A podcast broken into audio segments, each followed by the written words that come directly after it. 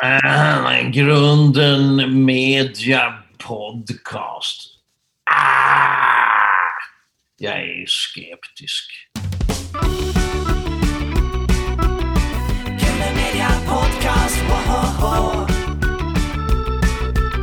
Grunden Media Podcast, woho! Eh, välkommen Stefan Sauk till eh, Grunden Media Podcast med mig Carl Magnus Eriksson. Och Henrik Ahlström. Och Erik Jensen. Tackar. Fint att ha dig här på, Ja. på Zoom-länk blev det till slut efter lite tekniska omständigheter. Men eh, Det funkar det också. den som väntar på något gott. För alltid för länge. Ja, det är så. Precis. Hur är läget med herrn? Ja, men det är bra. Mm. Det är bra. Eh, Vill du presentera dig själv för lyssnarna i eh, vår podcast? Eh, ja, det kan jag göra. Hej, jag heter Stefan Sauk och eh, jag brukar beskriva mig själv som en fritt svävande molekyl i underhållningsbranschen men jag är i Ah. grunden skådespelare. Vilken vacker beskrivning tycker jag. Vi är alla molekyler så du, Eller hur? du svävar extra fritt då liksom. För du kastar emellan eh, skådespelet och eh, även eh, ljudböcker och så här nu. Som är väl en form av skådespel också kan jag tänka. Det är det absolut. Eh, ljudböcker har ju, jag var med och eh, faktiskt eh, plogade i den där branschen för att jag var med och startade ett eh, ljudboksproduktionsbolag som heter Storyside Mm. eh, början av 2000-talet och eh, drev det och vi var lite plogen när det gällde ljudböcker i Sverige. Eh, då var det CD-böcker som gällde och sen så kom, kom Storytel och eh, ja, sen så hade vi tyckt vi nått vägs ände med det där. Ehm, så att vi, vi, ehm, vi sålde bolaget och eh, sen dess är jag då en gun for hire som jag brukar säga Ja, för vem som vill, vill eh, ha min röst som ljudboksläsare. Och det är, ganska, det, är, det är ganska mycket. Jag är lyckligt lottad i min bransch därför att under pandemiåret här så Mm. Jag har ju haft eh, det här med ljudböcker som en liten sidosyssla sådär vid sidan om. Men under pandemiåret så, eh, så blev det här som en stor klump i knät så att jag satt och läste ljudböcker hela 2020 vilket var väldigt eh, lyckosamt och tur för mig. ja. Jag tänker också behovet av detta kanske eh, ökade under pandemin. Det, ja, det gjorde det. Folk låg ju hemma och tittade på Netflix och lyssnade på ljudböcker så att det, det var ju en... Det, det, det var, ja, för att min bransch var ju, den blev ju, den stendog, den tvärdog. Mm. I princip över dagen. Jag menar en kompis till mig, Bengan Jansson, eh, eminent dragspelare, hade, Ja, skulle göra en egen föreställning och hade en fantastisk eh, säsong framför sig. Och hade premiär på sin eh, första egna, på stora föreställning och eh, dagen efter stängde hela skiten ner. Mm. Så att, eh, och sen var det inte ett jobb på ett år. Nu börjar det sprattla igång. Bittert Och alltså. det är ju ganska drastiskt och det här gällde ju inte bara honom, det gällde ju egentligen hela kultursverige. Mm. Eh, det gällde ju också eh, hotellnäring, restaurangnäring, turistnäring, you name it, eh, eventnäring. Så alla, alla också som runt omkring funktioner som, jag menar det finns en massa ljudtekniker som har egna bolag och har långtradare med ljudanläggningar och högtalare, sladdar, mikrofoner, you name it, som de kör runt med och eh, sätter upp på konserter, på eh, filminspelningar och på eh, event och så vidare. Och de stod där med alla sina prylar och sina långtradare och eh, inte ett jobb. Eh, så det var ju en katastrof för en hel bransch. Ja. Under hösten här känns det som det har varit en- uppsjö av nypremiärer. Och- Ja, så är det ju. Men det kommer nog ta ett tag kanske innan det, det här återhämtar sig. Det kommer att ta ett tag innan det återhämtar sig och det är många som eh, har gått, eh, det är många livsverk också som har gått eh, i stöpet och min uppfattning är att det hade inte behövt bli på det sättet om våra myndigheter hade varit lite lyhörda och lyssnat och lämnat över lite ansvar till olika aktörer. Därför att jag menar min bransch vet jag ju att till exempel To Entertain som är ett stort produktionsbolag, de sökte ju Folkhälsomyndigheten om och om och om och om igen och hade idéer för att göra saker som man gjorde i andra länder. Eh, man skulle kunna hålla branschen lite grann med konstgjord andning med mycket, mycket färre människor och med ordentliga restriktioner och med rutiner för avståndshållande eh, munskydd, you name it. Men om vi har myndigheter som till och med förnekar vitsen med munskydd, då sitter man ju i en tunna skit så det dundrar om det. Ja. Och när de dessutom inte svarar på tilltal, då blir det ju liksom helt omöjligt att göra någonting. Va? Så att det, har, det har varit, eh, skadan har ju blivit så mycket större än vad den hade behövt bli. Ja, det var lite kompasslöst liksom. Den har snurrat runt. På tal om rutiner, hur ser en vanlig arbetsvecka ut för dig? En vanlig arbetsvecka, det beror alldeles på vad det är för arbetsvecka, vad jag jobbar med. Eh, det, ser väldigt, det kan se väldigt olika ut. Att svara på mail från Grunden Media Podcast till exempel. Ja, till exempel att försöka råda ihop ett möte med Grunden Media, det har ju varit en, en, en, en långbänk. Ja, Det beror lite på mig också faktiskt, därför att jag har haft väldigt mycket att göra. Jag, har, jag är ju tyvärr sån att jag tar på mig massa saker och eh, samtidigt som jag gör det så skapar jag massa saker och sen så måste jag ju göra det där också. Har du svårt att säga nej? att. Ja, det har jag. Ja. Jag har väldigt svårt att säga nej. Ja. Eh, och jag börjar lära mig nu faktiskt efter alla år. Och det, det har varit så här tidigare i många fall. Till slut kan jag inte säga nej därför att jag har liksom väntat så länge ja, med att svara. Så då är jag tvungen att svara ja. ja. Jag tänker inte dig som en sån här som kanske blir utbränd och så här. Men det kan vara effekten av att man har svårt att säga nej. Men har du haft, har du varit där och touchat liksom? Nej, nej, det var länge. Nej, jag hade nog eh, lite symptom, men det, det är ju så länge sedan. Det var när jag efter lumpen körde taxi och eh, pluggade samtidigt och visste inte vad jag skulle göra riktigt. Och eh, till slut så tyckte jag att det var eh, jävligt jobbigt att köra taxi. Det blev det var min enda inkomstkälla då. Det var visserligen en bra inkomstkälla men, men på den tiden. Det var också jobbigt. Alltså. Det, var inte, så det blev lite ångestframkallande det där till slut. Man hade en kniv på strupen att man var tvungen att köra taxi fast man inte ville göra det. Man Ja. tvingades in och göra någonting som man faktiskt mådde dåligt av. Och det är det som jag tror också skapar att man tvingas göra någonting som man mår dåligt av.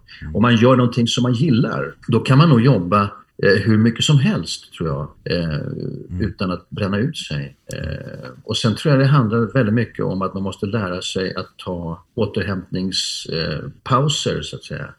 Jag har ju hållit på med karate och aikido, men framförallt karate, sedan jag var 16 år. Du har svart bälte va? Ja, oh, ja. spelat det. Ja, Det är det precis. bästa man kan få. Ja. Ja, fast jag har, det, det finns ju grader på det svarta bältet också. På, Asså? som heter Ja. för Dan-grader. Första, andra, tredje, fjärde, femte, sjätte, sjunde, åttonde Dan. Och åttonde Dan brukar av tradition vara den person som är högst i världen i just den stilen. Så det brukar finnas en åttonde Dan. Eh, men jag har tredje Dan i karate och det är en hög grad. Det är en seniorgrad som man kallar det. Jag har första Dan i aikido så att jag har två svarta bälten. Eh, eh, så att jag har tränat mycket fysiskt hela mitt liv. Ja. Jag har kört ett karatepass här på morgonen innan, innan vi snackade med varandra. Och eh, det, där finns, i karaten finns också eh, moment av meditation. Det är ju aktiv meditation kan man säga på ett sätt. ja. Eh, det- Zen-buddhism till exempel, att du lär dig meditera på ett visst sätt. Om man lär sig de här eh, teknikerna för meditation till exempel, dynamisk meditation och så vidare, då har man en, eh, en reset. Man, man, man nollställer kroppen och eh, psyket på ett sätt som är väldigt, väldigt bra. Vid akut kris till exempel, människor som hamnar i krislägen, eh, kanske dödsfall i familjen eller olyckor där någon dör. Jag har haft kompisar som en, en blev dödad av en elefant i Afrika och Oj. familjen där, det är ju det är ett extremt eh, krisläge liksom. Men det finns då det tre saker eh, som är viktiga. Det är mat, sömn, träning, fysisk träning. Träning rensar ut kortisol. Just det. Om man inte ser till, jag tror att utbrändhet är någonting som man givetvis kan se till att förebygga om man lever på ett eh, hyfsat sunt sätt. Om man aldrig tränar till exempel, eh, om man är för övrigt fullt frisk och jobbar och eh, står i, eh, i det här ekorrhjulet som vi har skapat åt oss människor med vår moderna värld, eh, så är det väldigt lätt eh, att bli utbränd och framförallt eh, på arbetsplatser idag också där människor kanske inte mår så jäkla bra därför att det är mycket intriger och skit och eh, djävulskap. Människor är taskiga mot varandra. Och klättrar på varandra för att komma fram och sådär. Kniven på strupen att bli effektivare. Exakt. Och så springer man fortare och fortare. Det, Exakt. ja, det som känns att vi skulle behöva gå åt andra hållet där. Ja, verkligen. Därför att det sa ju vi på när vi gjorde Lorry till exempel. Jag menar, man snackar om ekonomisk tillväxt. Vi måste ha tillväxt. Men vadå? Vadå tillväxt? Vi har ju för fan, vi har ju växt färdigt. Vi har, ju- Ja, en tillväxt. vi har mat, vi har allting. Vad fan ska vi växa mer för? Ja. När kom du på att du ville bli skådespelare? Eh, Det kom jag på när jag tränade karate. Jag var 16 när jag började och jag hade en killkompis där som jag tränade med som var lite äldre än vad jag var. Jag var väldigt filmintresserad. Vi hängde han och jag på Filminstitutet i Stockholm. Det fanns någonting som hette Cinemateket Filmklubben. Och vi gick och såg väldigt mycket film där. Och där kan man se väldigt mycket film. Och det, den finns kvar fortfarande tror jag. Man ger ett månadsprogram, man blir medlem och man kan se alla Franska vågen-filmerna, man kan se alla Brandos filmer, man kan se Antonionis filmer och så vidare. och så vidare. Och vi hängde där och såg film och för mig var det ett sätt att skaffa mig kunskaper, de viktiga kunskaperna som man inte lärde sig i skolan. För där lär man sig andra saker. Det var viktigt för mig. Varför gör människor som de gör? Varför, varför säger de en sak men visar en annan sak? Och bla bla bla. Nej, men och sen så gjorde jag lumpen och så efter lumpen började jag köra taxi extra för att överleva. Och då var det en killkompis där som också körde som sa Du får hålla tummarna för mig på fredag därför att jag ska, jag ska söka till scenskolan. Eh, förlåt, vad heter det sa du? Vad är det för något? Scenskolan, vad är det för något? Ja, men man blir skådespelare. Vadå, finns det en skola för det? Ja. Jaha. Och du ska söka den? På fredag? Ja. Åh fan. Jaha, man kan bli skådespelare. Mhm. Och där slog ett, sådde ett frö i huvudet på mig. Och sen körde jag en, eh, en kvinnlig skådis en natt i taxin. Och eh, då, jag grämer mig över att jag inte kommer ihåg vem det var, men, men det gör jag faktiskt inte. Eh, Men då så frågade hon mig, vad gör du annars? Jag pluggar, så jag. Okej. Eh, Och du då, vad gör du? Jag är skådespelare. Jaha, sa jag. Åhå, fan, hur blir man det? Ja, är du nyfiken? Ja, jag är jävligt nyfiken. Ehm, Ja, men du kan väl eh, gå i... Det bästa sättet är att jobba som statist eh, genom pjäs. Då ser du ju hur, hur jobbet funkar. Jaha, okej. Hur gör man det då? Ja, men gå till Dramaten och fråga. Ja, okej, då gör jag det. Gick jag till Dramaten och sa, hej, kan man bli statist här?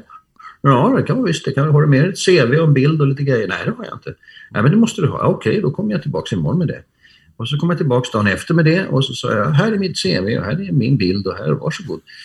Jaha, då tog hon det och så liksom tog, stoppade hon in det. Tog fram en stor jättepärm så här tänkte jag. Jaha, är det där andra statister som sitter i den där pärmen? Är det, det verkar vara väldigt många. Ja, det, här, det är bara ena pärmen. Här är nästa pärm också. Det här är A till bla bla bla. Här kommer...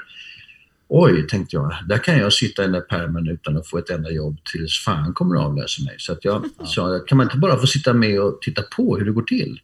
Ja, du menar askultera? Eh, förlåt? Du menar askultera? Ja, ja just det. Precis, askultera tänkte jag. Det är väl jättebra, askultera. Eh, och så ringde hon och sa hon, ja du ska starta en pjäs här. De börjar repetera på måndag och Lars-Göran Karlsson ska, rep- ska regissera den. Så att du kan få telefonnumret och ringa honom. Så gjorde jag det. Ja.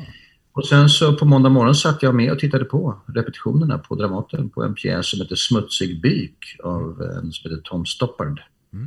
Med Anita Wall, Jan, Jan-Olof Strandberg, eh, vilka var det med? Göte Grevbo, det var en jävla massa människor. Hur, var, Ehm. hur var den känslan att eh, Väldigt, det var sitta väldigt och detaljstudera? Rakt in, rakt in i gapet på lejonet liksom på en gång. Pang på sådär. På, efter några dagar bara. Och han var jätteschysst sådär. Och det, han gjorde ju mig till sin regiassistent sen. Ja. Ganska snabbt också. För han såg att här har jag en resurs. Kan inte du göra repscheman? Ja, eh, absolut kan jag göra rep. Hur gör man det? Kan du använda träningen i, i, eh, och gå in i rollen, i rollerna sen? Jättebra fråga. Det, det finns någonting med att träna karate, aikido eller judo eller de här som är väldigt, väldigt bra för skådespeleri. Eh, Eh, vi hade utbyte med Teaterhögskolan i Berlin när jag gick på Teaterhögskolan. Jag gick i Göteborg på Göteborgs Teaterhögskola mellan 1980 till december 83, tre och ett halvt år. Eh, och under den tiden så hade vi ett utbyte med Teaterhögskolan i Västberlin, för då var ju fortfarande Tyskland delat mellan Östtyskland och Västtyskland. Och eh, de eleverna i Berlin, de hade två aikido-pass i veckan hela skoltiden. Så det har en väldig poäng därför att man tränar någonting som man hela tiden behöver inom skådespeleri, nämligen eh, kroppskontroll, eh, fokus, energi, timing. Alla de här sakerna tränar man om man tränar karate, aikido eller judo. Anledningen till att jag började träna aikido, det var därför att karate är väldigt det är mycket bundet, eh, bunden energi som man låter explodera i, en, i, i någonting så här. Medans vår rörelsetränare hette Michela Kashanova, var från Tjeckien. Hon sa Stefan, du är så hård och snabb på scenen, du måste mjuka upp din kropp. Eh, Okej. Och då tänkte jag, fan vad gör man det då? Jag kunde inte träna karate där nere för det, mina karatekompisar och träningen som jag tränade var ju i Stockholm. Och då kollade jag, det fanns ju någonting som hette eh, Göteborgs Aikido-klubb och då tänkte jag, men Aikido måste vara bra. Så då började jag träna Aikido och det är mjuka rörelser där man så att säga eh, tar motståndarens kraft och omvandlar den. Antingen låser man fast och bryter sönder någonting eller så skickar man den vidare bara. Hur var det? Att tvingas gå ner är liksom... Eh, Ja. tempo. Nu höll jag på att knocka killarna. Det var inte Ja. Nej, men det, det är en annan grej. Det, det, men det är två sidor av samma mynt. Ja. Teknikerna är egentligen de samma därför att han som skapade aikidon heter Morihei Ushiba och det är den yngsta formen eh, av de här eh, budoformerna. Den, är, den kom till på eh, slutet på 50 början på 60-talet, eller 40 tror jag. Eh, men de andra är ju way back in time. Ja. Men han var nere och träffade Shoin Miyagi eh, som skapade karaten på Okinawa och tog alla de mjuka teknikerna från, från eh, den originalkaraten heter Okinawa Goju Ryu. Goju betyder mjuk hård. Ah, Eh, Okej, han, har- han hette så. Det är inte så att han tog sig det liksom, namnet. Miyagi? Ja, mjuk hård. Nej. Nej. Nej, nej, nej. Det, han, det är därför när amerikanerna gör en film som heter, eller när Hollywood gör en film som heter Karate Kid, då, då döper man ju den gamla farbrorn till den riktiga farbrorn. Givetvis. Nämligen Shoyun Miyagi. Så att han hette Mr Miyagi. Mr Miyagi, alltså. Ni har ju sett Karate Mm. Kid. Ja. ja. Wax on. Wax on. Wax on, wax off, exakt. Och det ser ut så här. Jag ska visa er hur det ser ut. ja. Är det okej? Man får filma det här Stefan när du testar den här. Ja, då, gör det, gör det. Filma på du. Men wax on, wax off är den här. Ja. Wax Kan man on, inte förstora bilden? wax off. Wax on, wax off. Och det här är ju tekniker så att om det kommer ett slag mot mig så flyttar jag handen först med den här. Så det ser ut så här. Men och det finns en annan teknik som är så här också. Eh, med en blockering. Men wax off det är ju flytt och tar den, greppar tag. Sen kan jag gå in. Här har jag en motståndare som jag håller en arm nu. Då kan jag gå in och fälla den motståndaren. Eller jag kan gå in och göra en massa andra tekniker. Wax on, jag kan gå in och ta hans arm, vrida upp den och böja ner honom så att man hamnar så här. ja, just det. Ja. Det är wax on, wax off. Jag som är stor Peter Sellers-fan, liksom, jag ser ju framför mig lite. Ja, ja, ja. Han gör det i Clouseau också. Den där. Fast det, ja, Kito! Ja, Han tränar ju övning i, i sin lägenhet men han eh, assistenten gömmer sig lite varstans. ja, just det. Assistenten uh, åker Exakt. på en del. Ja. Ja. Ja, ska, Kito. Ja.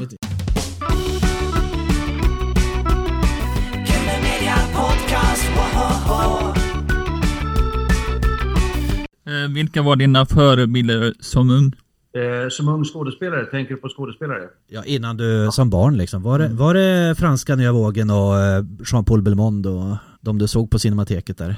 Jag gillade ju bröderna Marx. Ja. Jag gillade Brando, Montgomery Cliff, James Dean. Ja, Jämstin är bra. Det var ju före Al Pacino i det här gänget som kom sen. Eh, det fanns ju en, av de vackraste kärleksfilmer tycker jag är, det finns många, men, men Mastroianni har gjort en film som heter Svarta ögon. Eh, Regissören heter Nikita Mikhailkov, en ryss, men den är väldigt vacker. Och sen eh, när det gäller franska vågen så där så eh, gjorde Claude Leloup en film som heter eh, En man och en kvinna på svenska, En homme och en femme. Eh, vilket är roligast att spela bad guy eller good guy?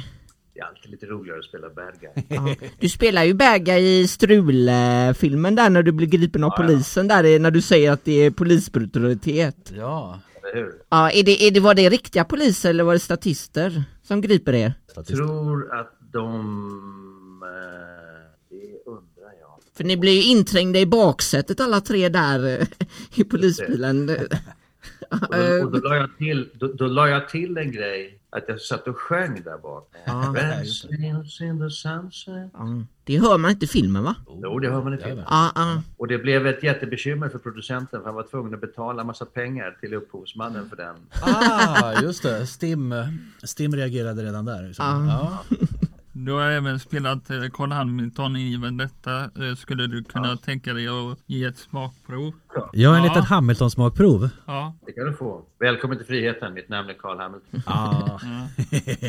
Men det var eh, typ 97 kan det vara? 96, 97 va? Eh, 95 hade den premiär. Vi 95. spelade in den 94. En av scenerna är väl inspelad på en eh, bilskrot? I, Ham- I Vendetta menar du? Ja, i Hamilton, alltså ja.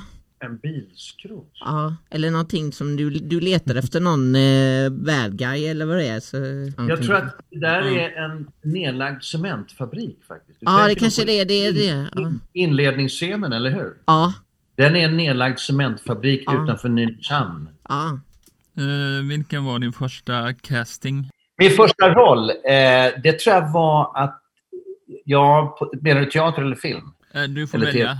Du får välja. Vi tar film då när du var inne på film här. Ja, det första var nog att jag var med och lirade en liten roll i en tv-serie som hette Träpatronerna som gick på SVT och det var SVT som gjorde den också. Eh, och den gjorde jag när jag fortfarande gick på Teaterskolan. Vad handlar den om? Den handlar om Träpatronerna kallas för Sverige har ju väldigt mycket skog. Ja. Nu håller vi på att avverka den och eh, jag menar där undrar jag vad Miljöpartiet håller på med när vi ändå var inne på politiken. Ja. Eh, nu har man tagit på det här stora miljö, eh, klimatmötet en, en massa policybeslut om att man ska sluta eller begränsa avhuggningen av skog i världen medan eh, Sverige har avverkat nästan 80 procent av sin gammelskog, urskog. Som är den enda skogen som, som garanterar en, en biologisk mångfald på riktigt. Eh, så att eh, vi, vi är just en, en, vi håller på med något som är fullständigt vansinnigt och det, det handlar om pengar. Men träpatronerna handlar ju om när den svenska skogen började exploateras. Och de hängde uppe i Härnösandstrakten, Övik, Härnösand och Sundsvall. Och så flottade man ju ner timmer till havet och sen sålde man det. Där var det stora sågverk. Och de som eh, köpte skog och avverkade skogen och eh, tjänade pengar på skogen kallades för träpatroner. Så det handlar om det. Kommer ihåg den här, jag kommer ihåg den här serien tror jag, men jag var lite för liten. Det var på 80-talet där som den gick. Ja, den var lite sådär stolpigt svensk men, men eh, ändå, ett, ändå helt okej. Var det några kända skådisar med i den? Stefan Det var Sauk. Ja, Ja. Men det var din första liksom, eh, så att säga, på, på, i Ja. tv då, din första roll. Mm. Den första större rollen jag gjorde som var på riktigt, det var, eh, jag spelade eh, August Ludvig Ribbing i eh, någonting som hette, en dramadokumentär som heter Sammansvärjningen som handlar om mordet på Gustav III. Mm. Den tror jag har sett. Mm. En väldigt överambitiös ung skådespelare vid namn Stefan Sauk. Ja. Vad tänker du när du ser de här gamla, den där unga Stefan? Tänker du, Ja, när jag tittar på den, då tänker jag, eh, oj, där tog det lite för mycket. Oj, där var du lite för ambitiös. Och Oj, oj, oj, så där mycket behöver du inte ta i. Det där kan det där klarar du ändå. Men, men det var tydligen så pass bra så att sen efter det så, så gjorde jag en eh, polisfilm som hette I lagens namn där jag spelar en bad guy. En eh, piketchef, en, en, en polisinspektör som eh, jagar busar i Stockholm med eh, väldigt hårdföra metoder.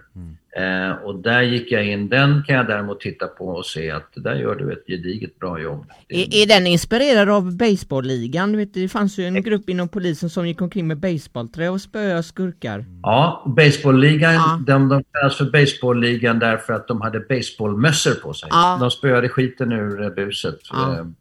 Ja. Den där baseras på en bok som är skriven av Leif GW Persson som heter Samhällsbärarna. Ja. Jag, jag tror Sven Wollter är med i den om jag inte Sven minns rätt. Sven Wollter är med i den, han spelar Janebring, jag spelar eh, eh, den här eh, Hell, Ja. polisinspektören, piketchefen. Roger Hell. Eh, där är Ernst Günther med, där är Ja. Anita Wall med, där är Sven Holm med, Eva, vad hette hon då? Anita Gren, Gren hette hon. Marvin Yxner är med, de tillhörde mitt gäng där och sen är det lite annat folk som är med. hela Eh, färgpaletten där. Eh, Det, först, det var två grejer egentligen som jag så här, minns dig ifrån. Det var ju den svarta cirkeln. Just det. Och jag kommer ihåg, jag var, vad kan det vara, 89 kanske? Han, vad handlar 89, den om? 90. Du spelar en journalist där Stefan va? Eh, som, Tack. Som dras in liksom i, i ja, det, det, det sprängs i Stockholm kan man säga. Den, var, den, är, den borde de köra i repris. För den, den, visserligen har den tidsmarkörer, det är gamla polisuniformer, det är gamla polisbilar och så vidare. Men annars, annars är ju temat är ju, eh, det skulle kunna hända idag. Det är Verkligen. Ja, den var väldigt spännande. Eh, Så eloge för den. Ja, tack. Då har du gjort bort dig på scen någon gång? Om jag har gjort bort mig på scen. Eller på annan plattform. Ja, Jag har gjort bort mig eh, i andra sammanhang. Ja. Det har jag massor i. Ja, ja, herregud. Ja. Jag var på en, eh, jag var på en, en av de största klavertrampen, det är ju när jag var på en sån här premiär, röda mattan-premiär och så kommer det fram en kvinna, hon, hon har en annan kvinna i sällskap eh, och, eh, som jag är, är bekant med, men den här andra kvinnan har jag aldrig träffat. Och eh, så, så morsar vi på varandra och så säger jag, och så tittar jag på den här andra kvinnan som jag inte har sett förut och så säger jag, åh, grattis, jag, ty- jag tycker att hon är gravid. Så jag säger, grattis, när, när är det nedsläpp? Och då, och då tittar hon på mig oerhört förnärmat och säger, nej, jag är inte gravid om det var det du trodde. Hmm. Och jag känner bara att, nej men jävlar, vad gör jag? Då, då, kan det, då blev det dålig stämning va? Ja.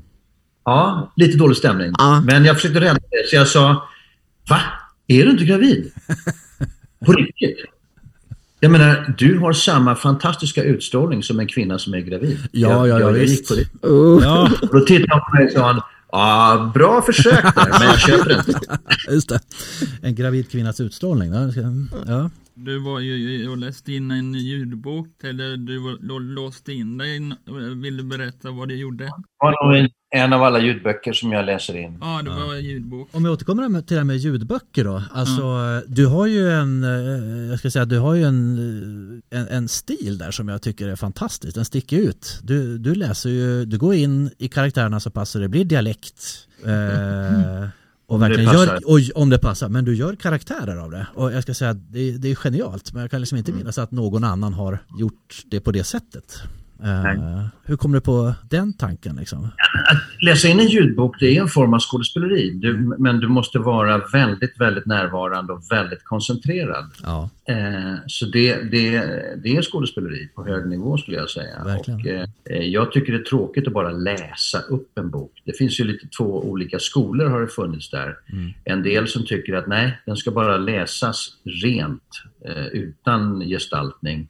Och så finns det andra som tycker att nej, det är så bra när Stefan Sauk läser för han gestaltar också. Och grejen är den att jag tycker det är mycket roligare att gestalta och jag tycker att det blir bättre också. Och jag tycker att det blir bättre om man läser med ett visst engagemang och eh, en viss närvaro och en viss ehm, att man lever med så att säga i berättelsen samtidigt som man läser.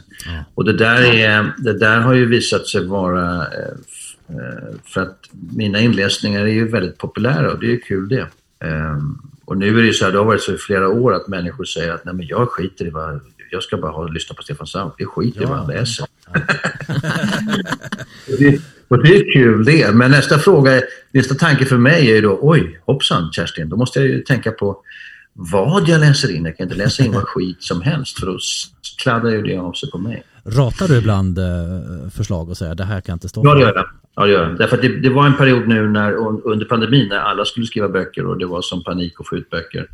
Och då eh, var det så att förlagen började kasta debutanter på mig eh, som kanske inte var så bra böcker. Men då tänkte man att om Stefan Sauk läser in dem så kommer folk att lyssna på dem i alla fall. Bara för att det är han som läser in dem. Eh, och det där genomskådade jag efter ett tag och eh, började säga nej till det. För jag tyckte att eh, jag vill inte hålla på och läsa skitböcker. Utan det ska vara någon slags ordning på det. Jag hörde någonstans att eh, Ernst-Hugo var en ledstjärna för dig på den fronten. Ernst-Hugo var en väldigt eh, nära och eh, han, för, ja, han var min mentor. Men, men vi använde inte det ordet då. Det fanns inte. Det var ingen som använde ordet mentor. Men, men det var så. När jag var regiassistent på Dramaten där åt Lars-Göran Karlsson då, som jag berättade om. Eh, då skulle han efter något år eller så göra Rickard III med Ernst-Hugo i huvudrollen som Rickard. Och eh, jag var regiassistent och eh, Ernst-Hugo greppade tag i mig eh, det första han gjorde och sa, redan innan faktiskt, vi började repetera och sa eh, jag, vill, jag vill, behöver lära mig läxan. Eh, Alltså lära sig texten utan till. Och för att göra det så, vilket han hade klokt begripit och jag också har begripit eh, långt senare, att det snabbaste sättet att lära sig läxa utan till det är att ta in det via öronen. Det vill säga att någon annan säger det jag ska säga och så just det, så repeterar jag det, så repeterar jag det. Så jag spelade hela Rikard tredje. Jag spelade alla rollerna i Rikard tredje mot Ernst-Hugo varje dag. Oj. Antingen på telefon eller live i, hemma hos honom eller på, i hans loge på Dramaten eller på, rep, på repetitionssal. Så att det var en väldigt, väldigt bra skola för mig. Eh, så att, eh, och sen hans sätt att läsa var ju ytterst eget. Ja, ja, eh, verkligen. Väldigt. Det är ju det är bättre än så blir det inte tycker jag. Nej, nej, det är någon slags facit.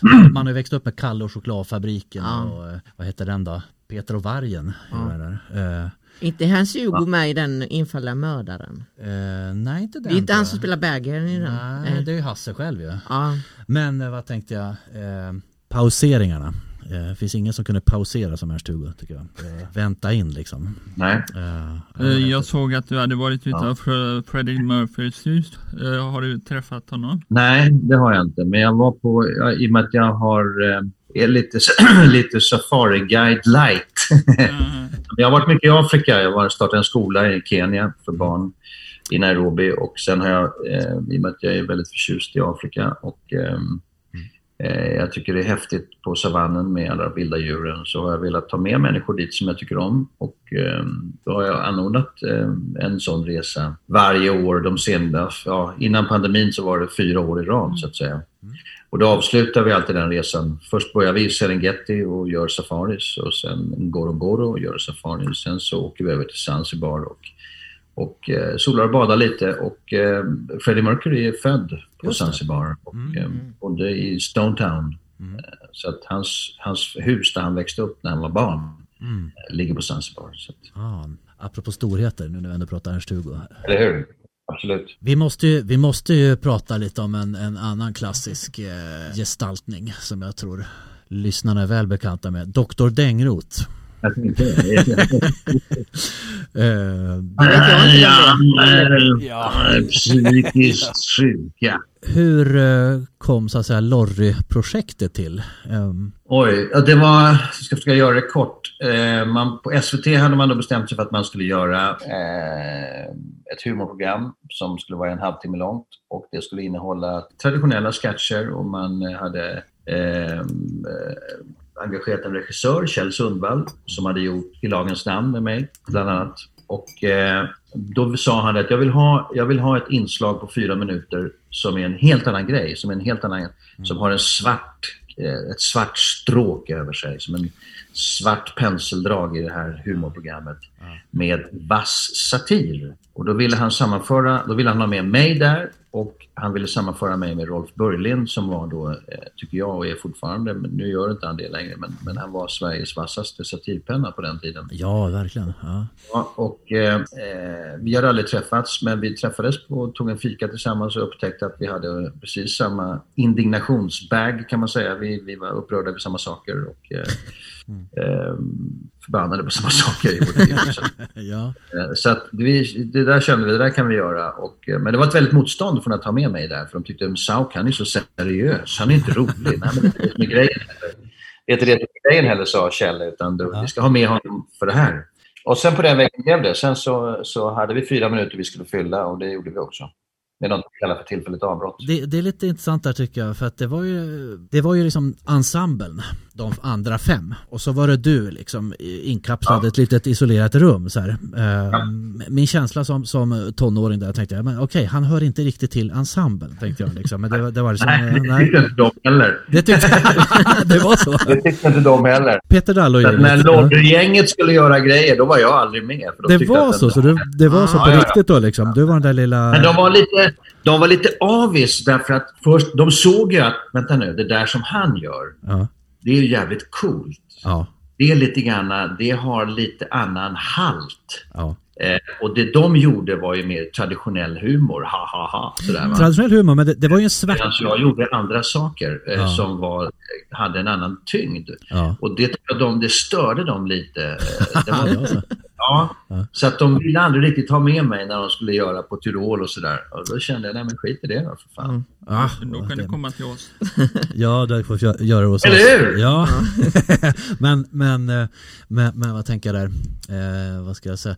Hela programmet andas ju svärta liksom. Men eh, du var ju på något sätt, där toppade svärta på något vis. Och det var ju välbehövligt inslag. Framförallt ska jag säga, när du pratar cancer i Yrrol. Det kom ju som en käftsmäll i, eh, en smäll i magen liksom. Men Ja. var den kom rätt där? Ja, den kom väldigt rätt där.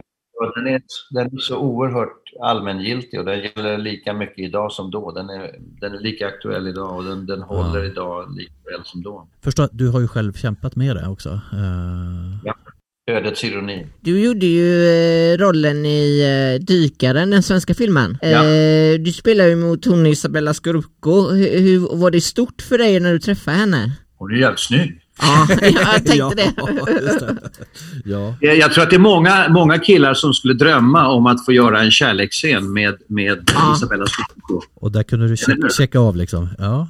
Ja, och eh, det, det gjorde jag. Men hon var, hon var, jag tycker hon är, hon är väldigt bra skådis och hon, eh, hon gjorde väldigt bra ifrån sig där också. Så hon, eh, eh, det var väldigt kul att jobba med henne. För jag tyckte, Dels tycker jag om henne, hon är en, hon är en bra tjej. Mm. Eh, och hon gjorde som sagt väldigt, väldigt bra ifrån sig. Mm. Så att det, var, det var rätt castat och ehm, eh, ja, nej, det var bra.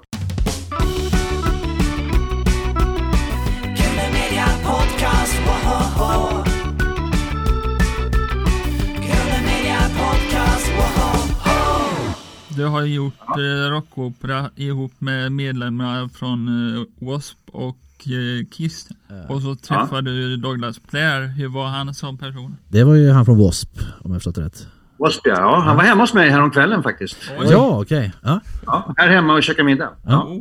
I, eh, nu ska vi se, var det i lördags? Ja, det var i lördags. Nice. Ja.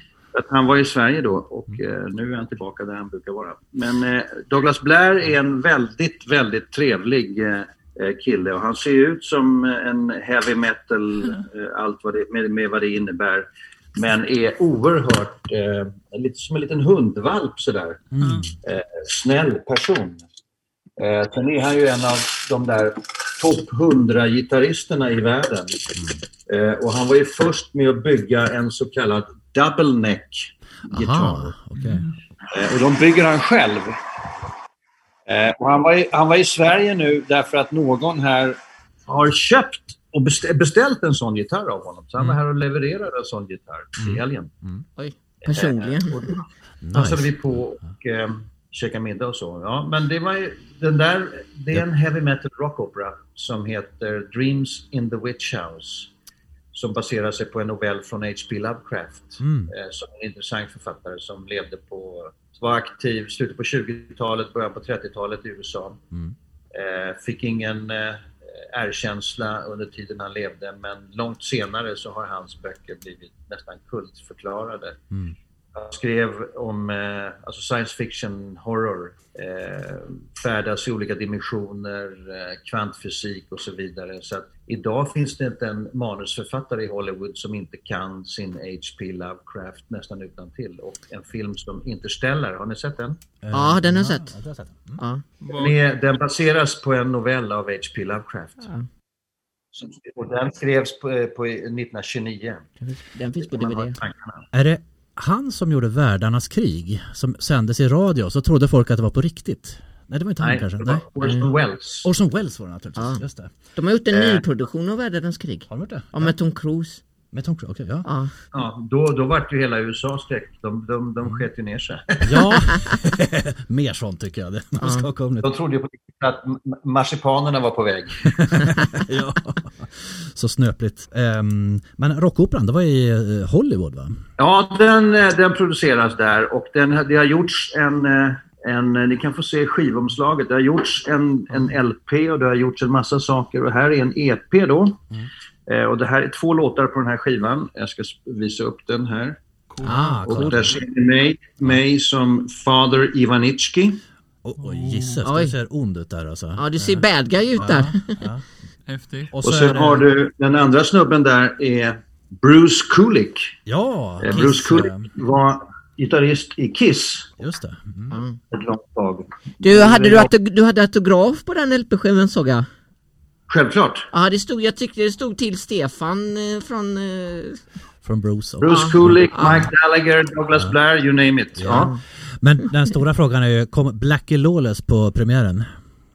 Eh, Wasps sångare där. Han, det är han som skötte det där läskiga med åt kött och sådär på scen. Eh, ja, just det. Black Roulette. ja. Men jag har sett honom live eh, och när Douglas Blair är med. Douglas Blair är den yngsta. Han är ju, han är ju intagen i W.A.S.P. senare. Aha, ja. Eh, eh, så han är inte med från början. Men, men Douglas Blair är ju, ska man säga, eh, ankaret Ja. numera. Musikaliskt sett, för han är så jävla skicklig. mm. Eh, musiker och gitarrist. Och Douglas Blair har varit väldigt mycket i Åbo. Därför att Jaha. i Åbo har man världens enda högskola för hårdrockmusiker.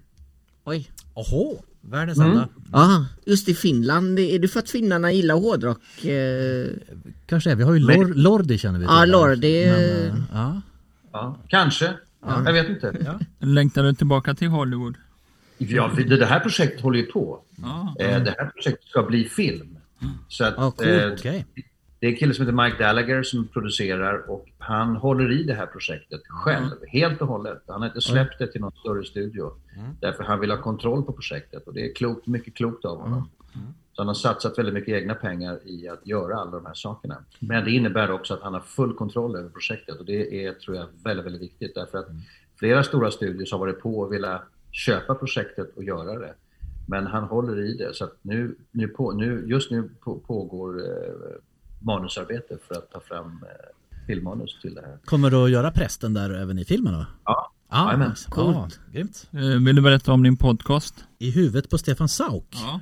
Ja, just det. Det var ett försök vi gjorde och Ja. jag, jag tror att det kommer att stanna vid ett försök. Därför att vi gjorde tre stycken Mm. eh, och de var ganska bra tycker jag. Men det blev lite, snillen spekulerar över det. Det blev... Eh, ja, det var så jävla kloka gu- gubbar och tanter som satt där och snackade. Så det blev, det blev lite sådär... Um, jag skulle vilja ha någonting mera satiriskt, någonting mera humoristiskt, någonting mera... Men det är ju sådär, jag är, har ju alltid varit väldigt samhällsengagerad och sådär. Eh, Jag är inte politiskt bunden till något parti och har väldigt svårt att se mig eh, kunna rösta på något av de partier som finns. Men, men däremot har jag en, en blick lite grann utifrån för jag har alltid ställt mig vid sidan om och tittat på vår verklighet och betraktat den med, försöker betrakta den med så klara ögon som möjligt. Vad tror du om eh, Magdalena Andersson eh, eller framtid? Jag tror ju inte en sekund på Socialdemokraterna som ett bärande parti därför att de, eh, de har ställt till så mycket elände i vårt land och de säger en sak men gör någonting helt annat och det, så kan vi inte hålla på. Eh, och de har tagit patent på vissa saker som de inte lever upp till. Jag menar, eh, vård, omsorg, skola har ju varit deras mantra i alla år och det ser vi hur, hur, hur, hur det har gått med vården, hur det har gått med omsorgen, hur det har gått med skolan och helvete fullständigt. Och sen kan man inte skylla på alliansen för att det, det, de är också lika stora kålsupare i, i mångt och mycket men, men man kan inte hålla på och skylla på varandra. Jag menar eh, sjukvården, psykvården till exempel, den, den såg ju för jävligt ut redan i mitten på förra århundradet. Eh, fick jag erfara när min mamma eh, hamnade på Ah. den psyket. Hur eh, når vi eh, en slags trygg plattform i samhället? Ja, alltså Eller- grejen är det att vi har ju ett gäng som, som snackar om socioekonomiska orsaker, det vill säga eh, miljöpartister, vän, vänsterpartister och socialdemokrater och kanske lite Centern också. Eh, att man liksom måste bryta segregationen och man måste liksom ta hand om barnen från början och bla bla bla. Visst, självklart. Och så har vi ett annat gäng som säger att vi, vi måste sätta hårt mot hårt här. Eh, och så tjabbar de här mot varandra. Men om vi ska nå en framgång, då behövs båda de här sakerna. Faktiskt, lika mycket. Eh, de måste kombineras. Skulle du kunna tänka dig att spela en, eh, en, eh, en roll i och, och göra någon eh, politiker i någon film? Absolut. Absolut. Ja. Skulle du vilja ge ett smakprov? Eh, nej.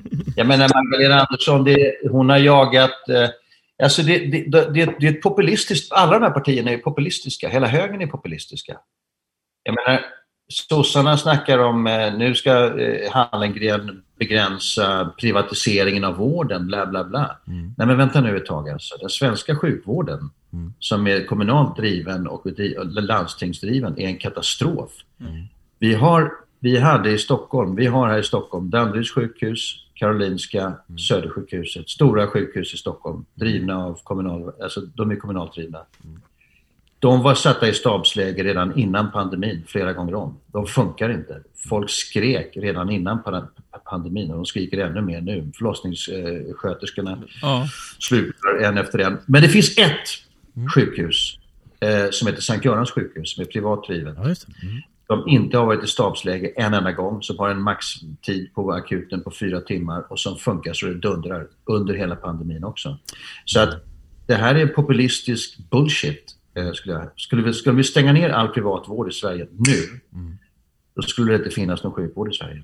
Pandemin blottade, känns som Sverige stod med byxorna nere lite där liksom. Nu, nu blev det så uppenbart. Sverige är med byxorna nere Ja. i alla sammanhang. Och jag sa det redan innan pandemin. Jag hoppas ingenting händer därför att det här landet har ingen beredskap för någonting.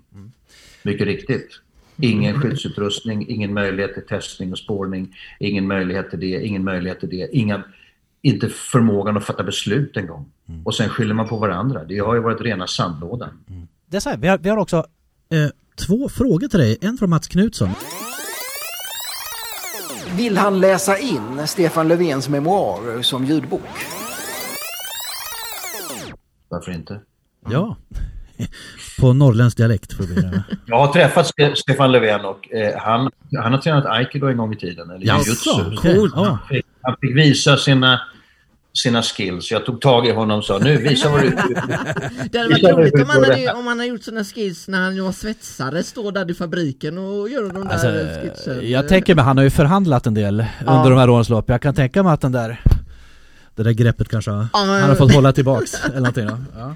Stefan, ehm, eh, vi skulle gärna vilja avrunda här nu med fem snabba Ja. eh, till dig. Kör.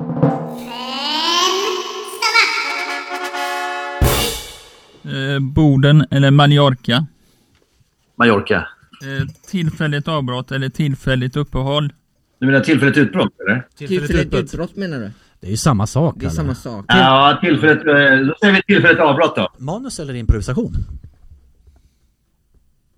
Manus. Och, och, och impro- improvisation. Och improvisation, ja, ja man får passa också. Italien eller Stockholm?